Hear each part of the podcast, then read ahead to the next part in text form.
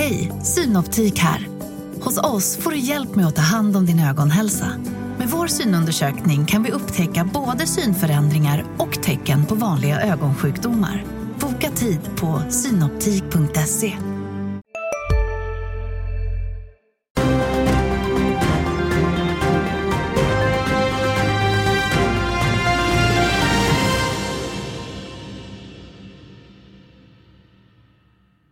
morgon och varmt välkomna till Börsmorgon den här tisdagen där vi börjar med att konstatera att USA-börserna steg svagt igår. Det breda S&P 500-indexet var upp med 0,3% vilket däremot var en svag nedgång jämfört med tidpunkten för Stockholmsbörsens stämning. Blandat i Asien, Hongkong är ner en halv procent och terminen på Stockholmsbörsen visar på en svag nedgång när handeln drar igång här om en kvart. Den står på minus 0,2 procent. Dagens program, vi ska få reda på vilka som är de mest populära och minst populära aktierna bland småsparare just nu. Vi ska granska intressant makrostatistik, få en gedigen genomgång i ekonomin. Börsen är ju som bekant makrostyrd just nu. Och så ska vi prata med Research som släppt sitt bokslut alldeles nyss. Jag har med mig Thomas Hjelvik, makrostrateg, DNB, varmt välkommen. Tackar. Och så Niklas Andersson, sparekonom Avanza. Tack. Superkul att ha er här båda två. Inte så nyhetsintensiv morgon, det är ändå sportlov, men en hel del har hänt ändå. Vi har bland annat batteriladdningsbolaget Citec som meddelar att teckningskursen i den här Företrädesemissionen som man har berättat om tidigare, 350 miljoner, den landar på 17,50 kronor per aktie. Aktien avslutades ungefär 30 kronor igår, eh, Niklas. Då undrar man ju väldigt eh, låg eh, teknisk kurs, men det blir ju inte där för det är ju ganska komplicerat den här emissionen. va? Ja, men det är ganska komplicerat. Man, man får väl eh, se till att ha druckit morgonkaffet innan man räknar på det här. För du får ju en teckningsrätt per aktie som du innehar. Sen behövs det ju fem teckningsrätter för att teckna två nya aktier för 17,50. Så som jag får det till så blir det 26 kronor och 42 öre. Och då är det mer rimligt, 4 kronor under 30 kronor Mer ungefär. rimligt. Mm. Hade, hade vi sett att det på riktigt hade varit 17,50 då tror jag en annan hade satt kaffet i vrångstrupen. Mm. Så svårt att få in kapital tror jag inte att det här bolaget har. Men det här är ju håll tätt bakåt eh, och beta ner skuld. Och vi ser ju också Latour som är huvudägare som, som tog var en rejäl ankare när bolaget kom in till börsen, tar sin proratandel på 30,6 procent också. Mm. Så det här är nog eh, defensivt och, och eh, få ner den här skuldsättningen. Bolaget har ju haft det lite utmanande den senaste tiden. De har ju det. Aktien har gått också ner 85 procent på ett år. Det blir spännande att se hur Citec-aktien går eh, när börsen öppnar här om en kvart ungefär. Sen Thomas har vi också en hel del intressant makrostatistik här på morgonen som kom. Vi har BNP-siffror, vi har PPI-siffror, även lönestatistik. Mm. Var det mm. någonting, jag vet att du har tittat lite på siffrorna, var det något ja. som stack ut tyckte ja, du? vi börjar BNP så var det väl en ganska bred nedgång och svag konsumtion, inte oväntat. Mm. Eh, men framförallt den här gången var det väl också nedgång på investeringar och lagerinvesteringar och det visar väl att den här bristen vi har haft på hyllorna under längre tid nu eh, är färdiguppbyggd och att eh, lagren till och med kanske börjar bli lite stora. Så att mm. svaghetstecken rätt brett då när det kommer till BNP. BNP sjönk med 0,9 procent under fjärde kvartalet. Det var något lägre än marknadsförväntningar. Ja. Men det här är ju history.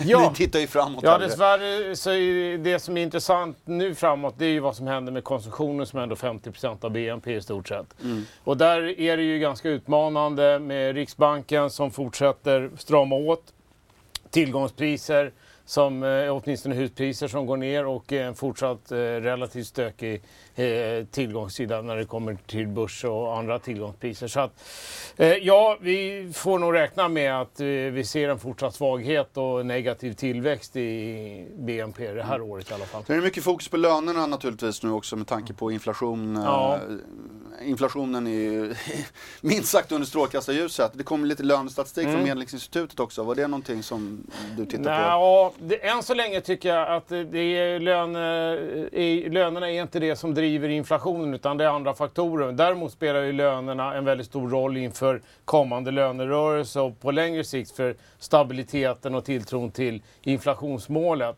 Och än så länge är det få tecken som tyder på att lönerörelsen eller lönerna kommer att vara det som förstör eh, inflationssituationen för Riksbanken utan det är mer andra faktorer då skulle jag säga.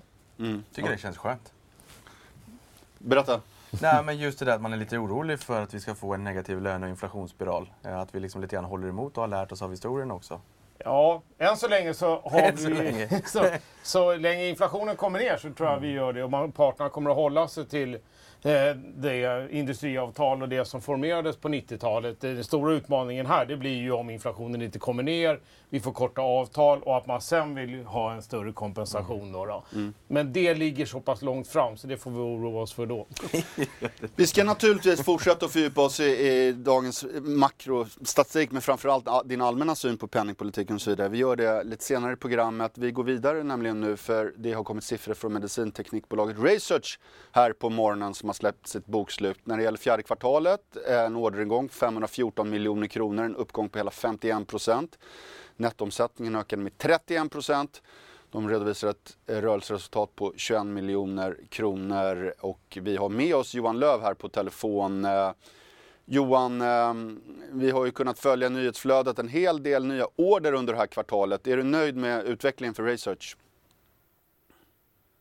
Ja, helt, helt klart på ordersidan ser det väldigt bra ut. Eh, inte nöjd helt med marginalen förstås än. Så det, det jobbar vi vidare med. Precis, vi läser ju om, ni har ju ert kostnadsbesparingsprogram och, och, så vidare. När ska marginalen upp? Vad är de viktigaste faktorerna här, tror du? Um, vi, vi har ju haft en del extra kostnader på eh, finansavdelningen som är onödiga, med mycket konsulter och så. Och det minskar ju nu successivt med eh, permanenta eh, personer på positionerna. Det, det är en viktig del. Ni har, ju, ni har ju en enorm orderstock här på, på eh, runt 1,9 miljarder. Eh, kan du berätta lite om den? Hur, hur, liksom I vilken takt kan den betas av? Eh, hur, hur, stabil är den? Är det, kan det finnas någon luft i den eller är du trygg med den? Den är helt eh, luftlös. Det, det är trevligt. Vi, vi, våra ordrar de ligger där, backas aldrig. Det, det har knappt hänt historiskt. Eh, så det kommer att omvandlas till intäkter.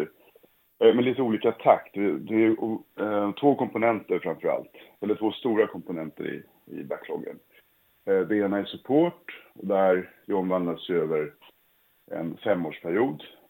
Och sen har du mjukvarulicenser som omvandlas mycket snabbare till och ett, max två år till intäkter. Den är väldigt trygg att ha där i bakgrunden. Och den, har ju, den växer ju stadigt nu kvartal, från kvartal till kvartal.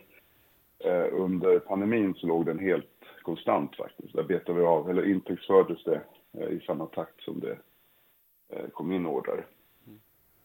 Den, det, det känns väldigt bra att vi har den.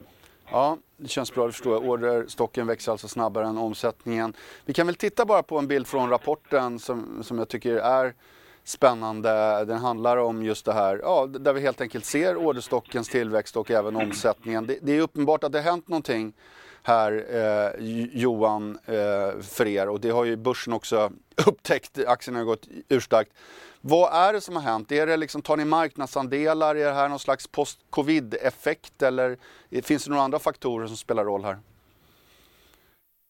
Eh, nej, men jag tror att det är mest att vi går tillbaka till normala tider. Fast vi, Resource är då två år äldre så att säga har eh, mognare produkter och en starkare ställning på marknaden. Eh, och det i kombination med en normaliserad marknad, det, det är naturligt en, en sån här skjuts. Eh, man kan ju följa den här grafen eh, som du pekar på. Om man går tillbaka två, tre kvartal så ser man utförsbacken så att säga som började eh, Q2 2020 precis. Q1 2020 var fortfarande starkt. Då hade vi order med oss från innan pandemin. Men sen slog det till och så var det en utförsbacke som nådde botten och sen nu efter pandemin så ser man ju är, är utvecklingen väldigt tydlig. Mm.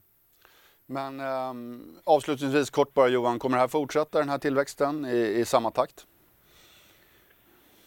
Eh, på det stora hela kommer ju naturligtvis eh, tillväxten att fortsätta. Och sen som, som jag noterade också i, i kommentaren så eh, man, man, man, ska inte dra ut räta linjer och extrapolera eh, urstarka kvartal. Men på sikt så kommer definitivt det här fortsätta. Sen kan det vara fluktuationer från eh, kvartal till kvartal. Tack Johan Löf för att du var med oss och kommenterade Research bokslut. Eh, Research, alltså medicinteknikbolaget, har ju gått urstarkt på börsen i år inte minst plus nästan 20% men på ett år upp 77% stark utveckling för det bolaget. Vi går vidare. Eh, vi har ju med oss som sagt var Niklas idag och det är jätteroligt Niklas för ni har ju släppt färsk statistik som visar handelsmönstren på börsen här i februari. Ni kommer med det varje månad va? Och eh, dels där vi ser den allmänna intresset. Vi kan väl börja med att titta på allmänna intresset. Så ska vi titta på vilka aktier man gillar och inte. Här ser vi att eh, eh februari 323 000 eh, Ja, berätta vad vi ser här för några siffror. Ja, men det vi ser här det är ju handeln och, och där ser vi att sekventiellt månad över månad så, så ser vi ett litet upptick. Mm. Men det är fortfarande negativa siffror om vi tittar year on year. Det har det ju varit en tid. Mm. Eh, men det börjar det börjar gå åt rätt håll. Vi börjar leta oss upp mot vattenytan. Så att sekventiellt en, en liten eh, förbättring av temperaturen, handeln på börsen bland småspararna. Mm.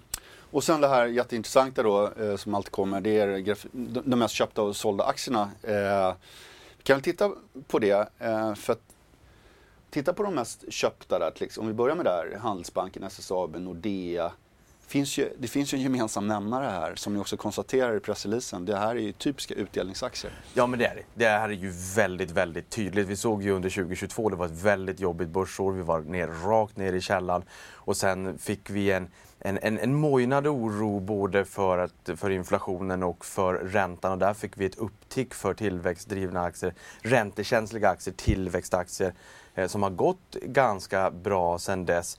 Nu har vi fått en förnyad ränteoro och vi har fått inflationssiffror som var kanske lite starka starkare än väntat. Vi blev lite oroliga och, och, då funderar ju spararna såklart. Här har vi många aktier, tillväxtdrivna, som har gått väldigt bra. Är det dags att nu stuva om i portföljen mot mer utdelning? Och det har vi ju sett. Mm. För de här tre aktierna på toppen här har en utdelning tillsammans i, i snitt på 8,4 procent. Mm väldigt, väldigt hög och då räknar vi med extra utdelningar. Sen kan det ju handla om att det är den här tiden på året också man letar utdelningsaktier efter utdelningen kommer. Det är det definitivt. April och maj är de stora utdelningsmånaderna. Nu har vi fått de flesta boksluten. På OMXS30 har vi fått alla bokslut och där såg vi att utdelningstillväxten var 6,6 procent. Tittar vi bara på de 21 aktierna som höjde utdelningen så var utdelningstillväxten 13,1 procent. Ganska delikat. Men det är precis som du säger den här tiden på året där man tittar och fokuserar mycket på utdelning. Men jag tror ändå, jag menar, börsen var ner väldigt mycket i fjol. Vi hade en krasch i fjol. Och det tänker man inte riktigt alltid på för man tittar på index och index är värdeviktat. Men snittaktien på Stockholmsbörsen var ner 50% som mest. Nasdaq i USA var ner 66% som mest. Det var en räntedriven krasch och det var mycket räntekänsligt som var rakt ner i källan. Nu har vi fått en rejäl tillbakagång. I år har vi sett en uppgång på 50% som mest på Stockholmsbörsen. Mycket av det som hade det tuffast i fjol, mycket tillväxt, har gått bra. Nu tittar man här, aha, nu kommer ränteoron tillbaka. Har vi passerat ja, inflationstoppen Och då kan vi väl titta på de som är mest sålda, apropå det. Det är ju typiskt eh, tillväxtbolag som ja. är då räntekänsliga. Vi har ju Fortnox där, Evolution Gaming, Embracer. Väldigt tydligt mönster får man säga. Otroligt tydlig röd tråd. Man, man, stuvar om från det som har haft en, en rätt bra skjuts i år, en bra återhämtning och sen håll tätt bakåt. Hellre en fågel i handen än tio i skogen. Det är fokus utdelning. Det är jättetydligt den här månaden. Sen brukar man ju lite schablonmässigt säga att privatspararna kanske är lite efter och sådär också. Så kan det absolut vara. Tittar vi på fjolåret så var aktiespararna lite före eh, fondspararna. Okay. Men fortfarande är det nog lite grann som du säger. Det som är intressant just nu också det är ju att data från USA visar att småspararnas andel av total börsomsättning har varit nyligen på en högre nivå än 2021 när vi alla kommer ihåg meme-stock-hysterin. Då var det lite mer ursäkta, hysteri. Nu är det lite bredare deltagande. Det tycker jag är en ganska intressant eh, indikation. Hos Avanza så ser vi att det är tydliga köp men det är inte riktigt lika hett som vad det är i USA just nu bland småspararna. Du, bara kort, eh, snart måste vi följa börsöppningen Niklas, men eh, en annan spaning var ju att var, några banker var på eh, de mest populära, men så var det Swedbank stack ut, var ju på sälj listan där. Ja, och jag tolkar det på det sättet att Swedbank har gått bäst av storbanksaktierna och har även en direktavkastning som är lägst. Mm. Det, det, är väl egentligen det tydliga. Så och... även där då, det är utdelningen som ja. driver? Ja. Intressant Thomas att, att spararna är så fokuserade på utdelningen just Ja, nu. det är väl lite som du var inne på att man med så stor osäkerhet om framtiden så är cash idag betydligt mer värt än förväntade tillväxten Mm. Så det är nog rätt naturligt riskavärt beteende också. Du är inte helt förvånad? Nej, inte helt. Nej, okay. ja, det är bra. Klockan har slagit nio nu och eh, Stockholmsbörsen har öppnat.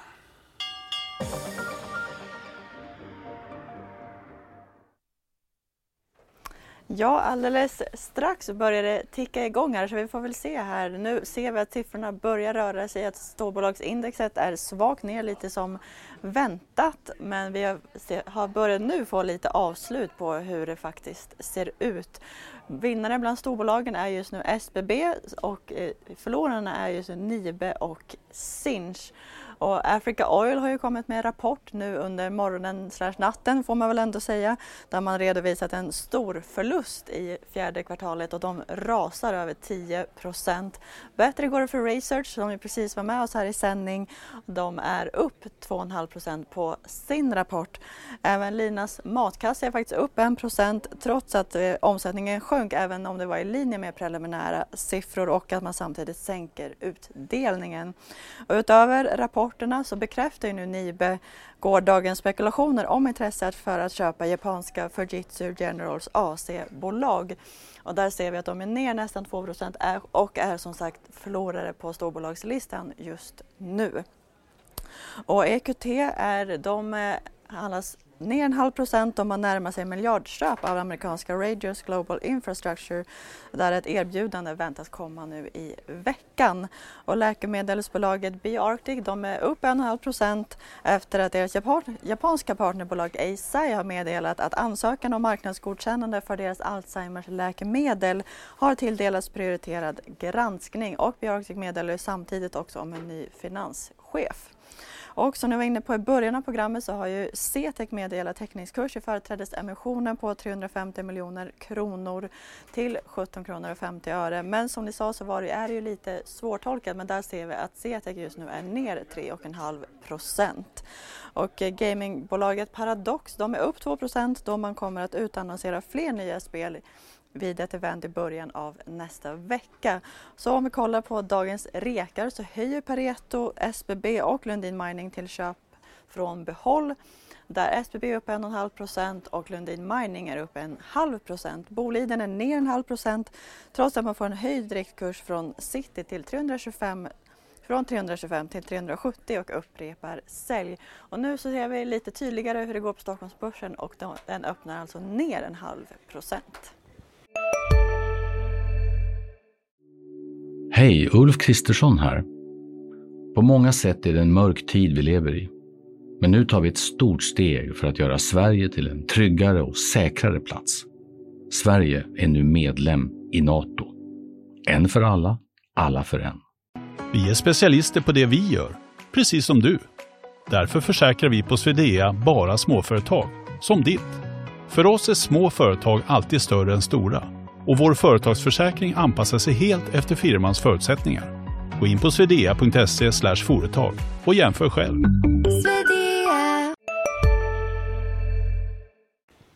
Stort tack för det. Eh, intressant. Vi kan väl dra också en nyhet utanför börsen som eh, är spännande och det handlar om Klarna som fortsätter att minska sina förluster sekventiellt men bolaget gick fortfarande back med 1,9 miljarder kronor under de sista tre månaderna. För hela året då, 2022 uppgår minusresultatet till 10,4 miljarder kronor. Du står och nickar Niklas.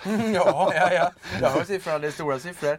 Det är också ett tillväxtbolag men, men ja, det är stora siffror. Börsöppningen alltså, Research som vi såg, upp nära 4% på den rapporten som ju uppenbarligen var eh, stark. Och sen hade vi Citec ner med 4%, eh, kanske väntat då, då? Ja, men kanske väntat. Det är inte jättekonstigt och det är ju klart att sätter man en sån här emission så brukar den ju sjunka ner mot, mot kursen. Eh, så det är inte jätteoväntat. Men det var ju som vi sa här nu alldeles nyss att eh, jag tror att investerarna tids nog kommer känna att skönt, nu är vi av med det här, nu är det full fart framåt, nu betar vi ner lite skuld, nu, nu håller vi lite grann tätt bakåt och sen så försöker vi springa lite, lite mera framåt istället. Jag menar, du sa i inledningen av programmet, kursen är ner väldigt mycket från toppen. Det har varit mm. rätt tufft för dem. Mm. Eh, men att det sjunker idag på, på det här, det, det är inte konstigt. Nej. Annars är ju börsen ganska makrostyrd nu som vi har konstaterat många gånger i den här studion. Vi ska verkligen grotta oss in i makro snart med dig Thomas. Men jag måste bara en fråga, en fortsättning i det här med utdelningen, för det är ju ett spännande tema nu, inte minst de närmaste månaderna. Vi har en grafik på de största utdelningshöjarna här. Eh, det är ju väldigt mycket grönt på den listan. Bolagen eh, höjer utdelningarna. Årets utdelningstillväxt 6,6 procent. Niklas, är du förvånad över att man i dessa osäkra tider delar, fortsätter att höja utdelningarna? Nej, men det är jag nog inte riktigt. Jag, jag, jag, tror att eh, bolagen vill gärna höja utdelningen som en liten kudde, för det har varit tuffa tider egentligen de senaste åren. Vi kommer ihåg för, för 2020, då, då slopade vi utdelningar på bred front. Det har vi väl aldrig någonsin varit med om. Sen har det ju varit kris egentligen under alla de här åren. Så att man, att man höjer utdelningarna för att hålla investerarna under armarna, det, det är jag inte förvånad över. Eh, jag är lite nyfiken på utdelningsandelen. Det, här, det vi ser här är OMXS30.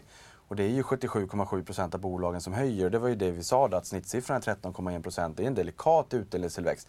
6,6 procent i snitt faller också inom ramen för vad vi har sett globalt de senaste 50 åren. Där brukar vi ligga 5 till 7 procent någonstans. Mm. Så att utdelnings eller löneförhöjningen i portföljen springer betydligt mycket snabbare än löneförhöjningen i inkomst och tjänst. Och det är ju bra, för annars får vi jättejobb, inflation och jobbet för börsen. Det, det vi kan se här är väl Electrolux också som har haft det jättetufft. De valde ju till och med att slopa mm. eh, utdelningen för nu då. Men, men, men det här eh, eh, bolagen har navigerat den här jobbiga terrängen på ett ganska bra sätt.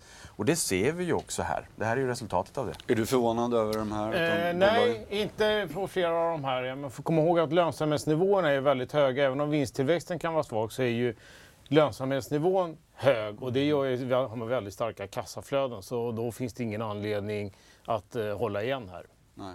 Inte ens när konjunkturen viker och ja, Den tider. viker ju mer för somliga än andra och mm. de här ligger nog bäst till i det här. Ja, Electrolux hade det lite ja. jobbigt. De fick ju för den här gången Men om vi håller oss till den gröna listan så... Ja, den är lite roligare. Ja.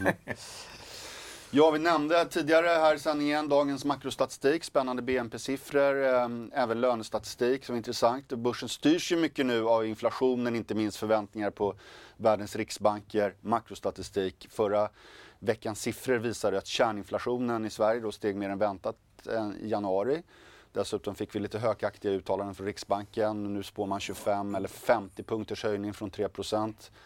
Eh, ja, de ligger på 3% man spår 25 till 50 punkter nu eh, i april. Och eh, mycket Thomas av det här handlar ju om förstås inflationen, inflationsförväntningar. Vi kan väl titta på lite mm. grafik här från tidningen. Här har vi då inflationen. Ni känner igen den här, den är ju brutal även om det har gått ner lite här på slutet. Ja, precis. Men, och, så, ja. och så har vi inflationsförväntningarna också på den svarta siffran inte på ett års sikt har den faktiskt gått ner lite mm. grann. Mm. Ja, Kommentera. Ja, alltså inflationsförväntningarna på kort sikt, den här svarta grafen, den mm. är uteslutande en funktion av vad spotinflation eller inflationen kommer ut på. Det är liksom bakåtblickande förväntningar. Det centrala i det här läget och när vi kommer till löner och andrahandseffekter, det är ju att de här långa inflationsförväntningarna är stabila kring målet. Och tittar vi på den gula linjen som är femåringarna, femårsförväntningar, där har du ju fortfarande breda delar av ekonomin stort förtroende för att Riks får ner inflationen mot målet och den är ju avgörande för lönebildningen över tiden. Men även den här tvååriga inflationsförväntningar. Den har ju nu tickat ner i takt med att inflationen har kommit ner och börjar och att man höjer då. då. Så att, eh, Ändå är man så hökaktig mm. i, ja, enligt det senaste precis. Det är, Ja, exakt. Och det kan ju förvåna då med tanke på, om man får vara lite elak, vilken typ av resurser och, och möjlighet till eh, framtida prognosbedömningar att en centralbank har. Men ändå visar de ju väldigt lågt förtroende för prognoserna genom att vara så hökaktiga. För att det, som du säger så ska de här talen lugna dem då. då. Mm.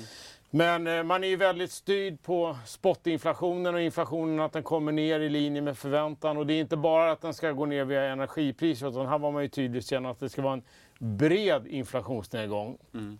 Och de sista talen vi har fått, precis som du är inne på, stödjer ju inte riktigt det eh, scenariot. Då, därför att även om inflationen kommer ner eh, år över år så går det för långsamt månad till månad helt enkelt. Mm. Och även om underliggande inflationen gradvis kommer ner så handlar det om hastigheterna. För att Kommer det inte ner så kommer ju två års inflationsförväntningar börja stiga igen. Och det är innan vi går in i en lönerörelse, så det vill man ju undvika då. Så att skulle säga att när det kommer till inflationen så är det inte bara att inflationen kommer ner, utan det är hastigheten det som är centrala. Och det gav man ju ganska tydligt uttryck för i senaste inflationsrapporten. Då, eller? Just det. Och apropå senaste inflationsrapporten så gav man ju också Riksbanken som vanligt en räntebana. Vi kan väl titta på den, eh, hur den ser ut. Eh, och, men, men det här eh, Thomas, marknaden, marknaden räknar ju med en högre räntebana än Ja. sån här. De räknar med en höjning på 53 punkter i april. Det kan inte Mm. bli 53 men det är mer än 50 punkter. 34 punkter i juni och att räntan toppar på nästan 4 procent här i sommar. Är det så ni tror också? Ja, jag tror att eh, det är ett rimligt eh, scenario på kort sikt här av det enkla skälet att man har varit så tydlig med att det är utfallsdata som gäller. Man har ju sällan sett en så databeroende eh, centralbank. Det är ju nästan som liksom en kortsiktig investerare i nervositet och det gäller verkligen att de här siffrorna kommer in i linje eller bättre än deras prognos. Då. Och gör den inte det, då vill man fortsätta signalera högaktighet här. Så att, ja, jag tror att marknaden gör en rimlig bedömning här eh, därför att eh, inflationsstatistiken har fortsatt eh, överraska negativt i och med att den är så bred och det är det som är böket för dem. Då, då. Mjuklandning eller eh, recession? Vad mm. tror du? Med 4% reporänta så tror jag vi får en väldigt splittrad eh, eh, ekonomi. Jag tror att vi kommer att återuppleva det vi hade på andra halvan av 90-talet för de som kommer ihåg det. Det vill säga en hushållssektor som mår bedrövligt Eh, med negativ tillväxt och eh, fortsatt behov av stor konsolidering och under ganska lång tid också. Så eh, det är ju frågan om den verkligen mår lika bra. Om det kommer, de kommer inte komma ur det lika lätt med, om Riks ligger kvar här uppe som man gjorde under 90-talet. Men sen har vi ju, en, även om kronan stärks, så har vi ju en relativt svag krona. En bättre omvärldstillväxt och en väldigt god liksom, situation i exportvaruindustrin och exportindustrin i stort. Så vi får en liknande bild där och har industrin som tuffar på ganska bra i relation till övriga ekonomin. Men ett bedrövligt läge på hemmaplan skulle jag säga med konsumenten och då är ju frågan vad gör finanspolitiken? Och den eh, gör alldeles för lite som det ser ut nu i relation till vad konsumenten kommer att behöva konsolidera ett sådant scenario. Och här kommer det vara en dragkamp mellan Riks och och, och eh, finans eh, och, och regering. Då, då. Men eh, det, det kommer att bli en tuff match där om vi blickar ut en tid. En annan fråga är vad betyder det här scenariot som du har för börsen? Ja, det betyder väl att eh, man bör vara exponerad mot det som har det lite bättre då. då Eftersom även om värderingen är lägre på många delar av konsumentbolag och så vidare så är det ju ändå börsen som helhet ganska neutralt värderad i dagsläget med P 15 och ligger runt i- historiska värderingar på utdelning och så vidare. Så det blir väl till att eh, blicka mot industrin då, då, även om det inte är direkt jättebilligt. Men det är ju den som kommer att ha det i särklass lättast av alla sektorer i ekonomin här. Vad säger du om det här makroscenariot och påverkan på börsen? Ingen liten fråga. Nej, det är ingen liten fråga. Jag vill veta när börsen ska sluta vara inflations och räntedriven för det hade varit skönt att lägga det bakom sig. 92, det är ju enda året som börsen har stigit. De här 7 procenten marknaden, branschen säger att börsen stiger och det är ju såklart som ett snitt över tid. Storken kommer inte med 7 procent om året. Men 92, då steg vi 7,64 procent men vi var tvungna att utstå en max drawdown på 35,18. Så det var ju rejält tufft. Men, men nej, jag vill gärna veta när, när det blir lite, lite lättare helt enkelt. Sen är det också så här att för eh, sällanköp, där såg vi att globala förvaltare enligt Bofas enkät här för en tid sedan sa att de underviktade sällanköp i störst utsträckning. Vi har ju sett kursmässigt att det hade varit rakt ner i källan, 70-80% på många bolag. Ehm, och, och det här är väl också viktigt att titta på bolagens geografiska mix. Alltså alla kunder finns ju inte i Sverige och käkar ju inte radhusbiff. Eh, och inte ens under depressionen eh, på 30-talet så var det så att alla var arbetslösa heller. Så jag menar, det är klart att det, det finns ju en efterfrågan även om vi får det rejält mycket tuffare i Sverige. Vi, vi svenskar är ju väldigt räntekänsliga. Men så ser ju inte hela världen ut. Och någonstans kommer vi se en botten kursmässigt på börsen. Och det är ju som mörkast innan det ljusnar. Ehm, så jag är evig optimist men, men jag, vill, jag vill jättegärna veta när börsen ska sluta vara räntedriven. Ja, jag tror att eh, det är ju framförallt en fråga om att data kommer in eh, mindre oroväckande. Alltså att det blir bättre inflationsdata än vad Riksbanken har. Så att du får ett sentimentskift som var i början av året här. Det är ju det vi får leta efter och det ligger nog lite längre fram. Men det kan hända i vår under kort, Sen är det ju frågan om att få ner inflationen, inte bara till 4% utan mm. den ska ner i linje med en centralbanks mål. Och det är ju här problematiken med räntemarknaden är, för de diskonterar ju sänkningar ett till tre år utåt. Då, mm. Och det måste ju bekräftas att man fortsätter tro på det. För gör du inte det, utan inflationen stannar av och det är segare nedgång än väntat, då, är klart, då kommer ju räntemarknaden att prisa om det och då får vi högre långräntor och det mäktar inte dagens värdering med helt enkelt. Sen har det ju uppstått en diskussion Thomas om det här räntevapnet verkligen biter på inflationen. Nej. Det finns ju de som frågasätter det. Nu det, är, det är en väldigt relevant fråga och, och, en större fråga. Mm. Men Tittar vi på det så är det ytterst tveksamt. Men just nu så är det som så att det är som vad centralbankerna har. Mm. Eh, det du skulle behöva är ju att titta över, jag menar vi har en sån situation, vilket i och för sig är positivt för börsbolagen, mm. men vinstandelarna går ju tok starkt. Alltså, det är ju uppenbarligen som så att det höjs priser mer än kostnader ökar mm. för näringslivet som helhet. Och eh, det är också en del som Thedéen var ute och föreslog att vi ska ja, ja, pruta i matbutiken och det ena med det tredje. Så att det, är, det är en bredare fråga än bara vad räntevapnet mäktar med. Det är allt från frågor kring konkurrens till eh, använda finanspolitiken för att till exempel utforma ett elstöd som man gjort i Norge som inte får de här andrahandseffekterna. Så att nej, det kommer inte att funka med bara räntevapnet den här gången. Men det är där vi står nu. En, en liten kort, jag måste säga bara, för vi, vi alla märker ju av inflationen när vi ska handla mat.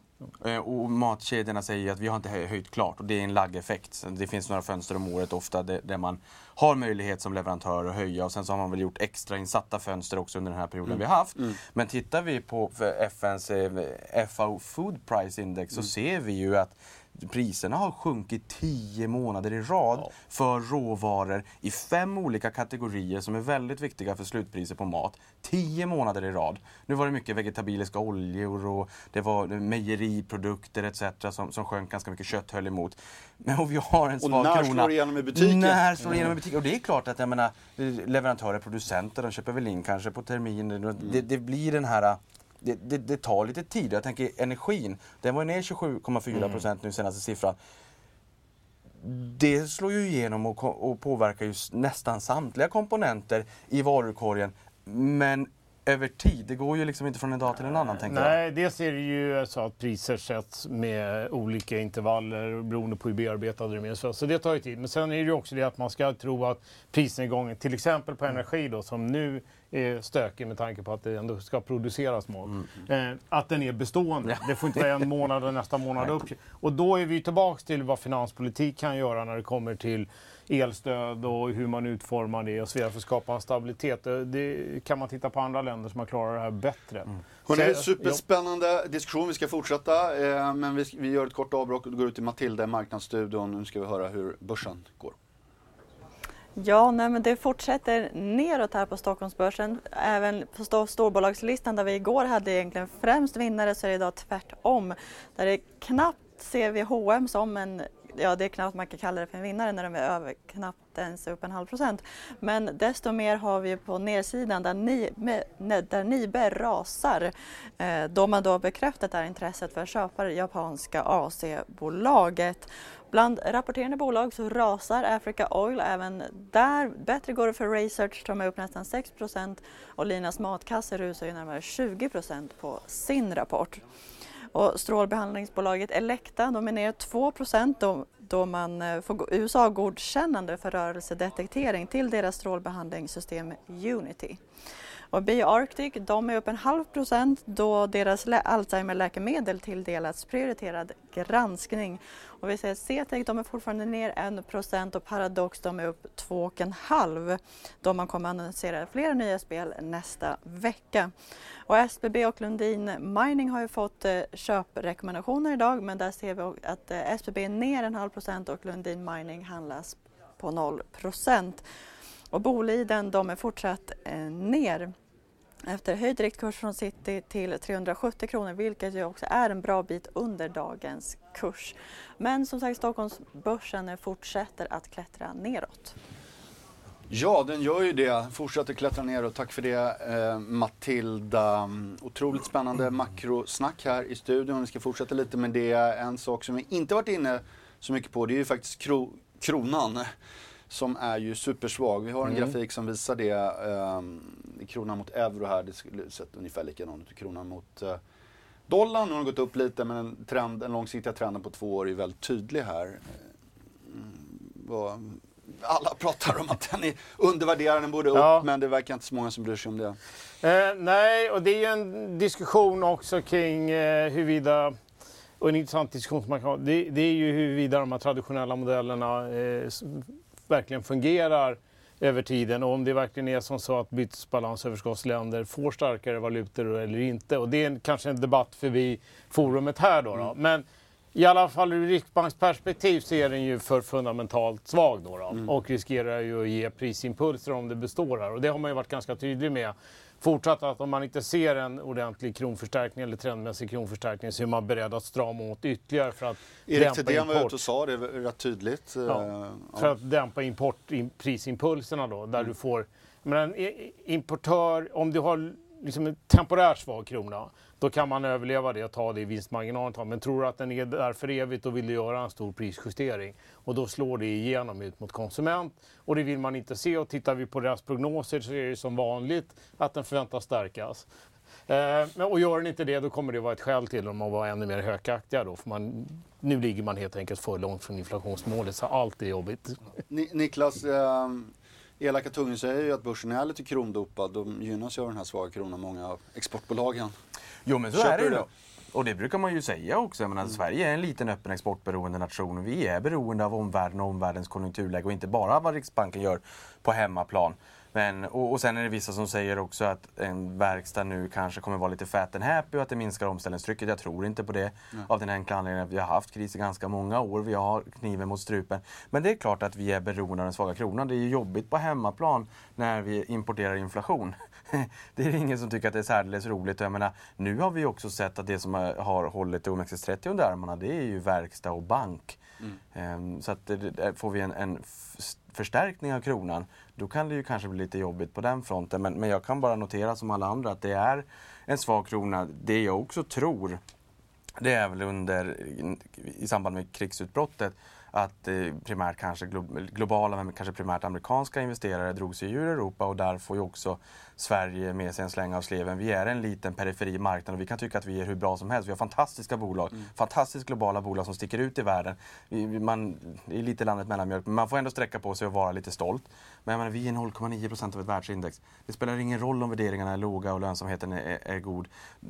Är det den oron vi har sett, då har man ju sagt att ja, men, då säljer vi Sverige, vi tar hem pengarna och sen så funderar vi taktiskt hur vi ska allokera de här. Och jag tror att man har fått den slängen av sleven. Vi har ju inte sett en tydlig tillbakagång av det utländska kapitalet in på Stockholmsbörsen riktigt än heller. Så det är ju många faktorer som, som driver.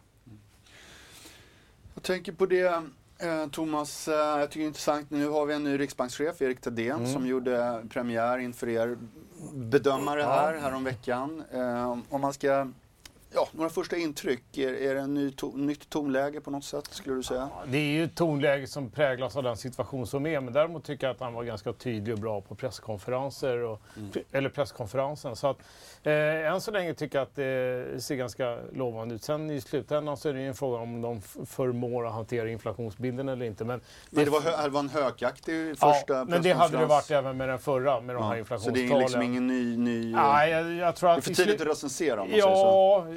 Det lilla vi kan recensera tyckte jag ändå det var mm, tydlig presskonferens och bra dialog och diskussion. Så att han, han kommer nog funka bra i den rollen, Mm. tror jag, ur det perspektivet. Sen i slutändan så är det ju så att det är en institution med tydliga mandat.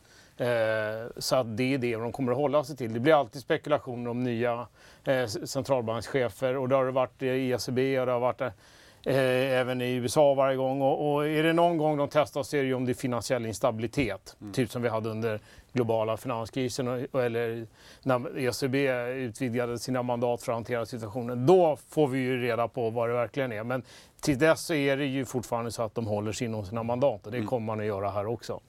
Då får du sista ordet i dagens sändning, Niklas. Eh, Erik Thedéen. Ja, nej men jag bara noterar att det låg eh, fågelskådare där nere på Brunkebergs torg och spanade in om det var en duva eller en hök. Och, och mm. det här fick vi ju förklaringen att det är kanske inte så enkelt och att alla hade kanske varit lite hökaktiga i det här läget med de här siffrorna som vi får in. Ja. Ehm, och vi alla längtar till det datumet där vi kan lämna det här bakom oss och vara lite mer mikrodyra. Ja. Jag hoppas ni inte längtar till den här sändningen ska ta slut, men det gör den ändå. Eh, klockan går. Jättekul att ni var med oss. Tack också Thomas, tack Niklas för att ni var med. Eh, 8.45 kör vi imorgon och följ gärna förstås DTVs andra sändningar här under dagen. Ha det bra.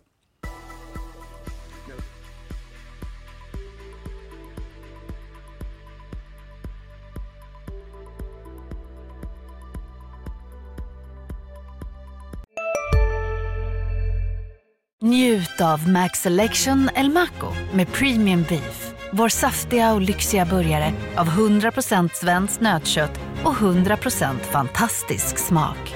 För ett ännu godare McDonalds. Hej, Susanne Axel här. När du gör som jag och listar dig på en av Krys vårdcentraler får du en fast läkarkontakt som kan din sjukdomshistoria. Du får träffa erfarna specialister, tillgång till lättakuten och så kan du chatta med vårdpersonalen.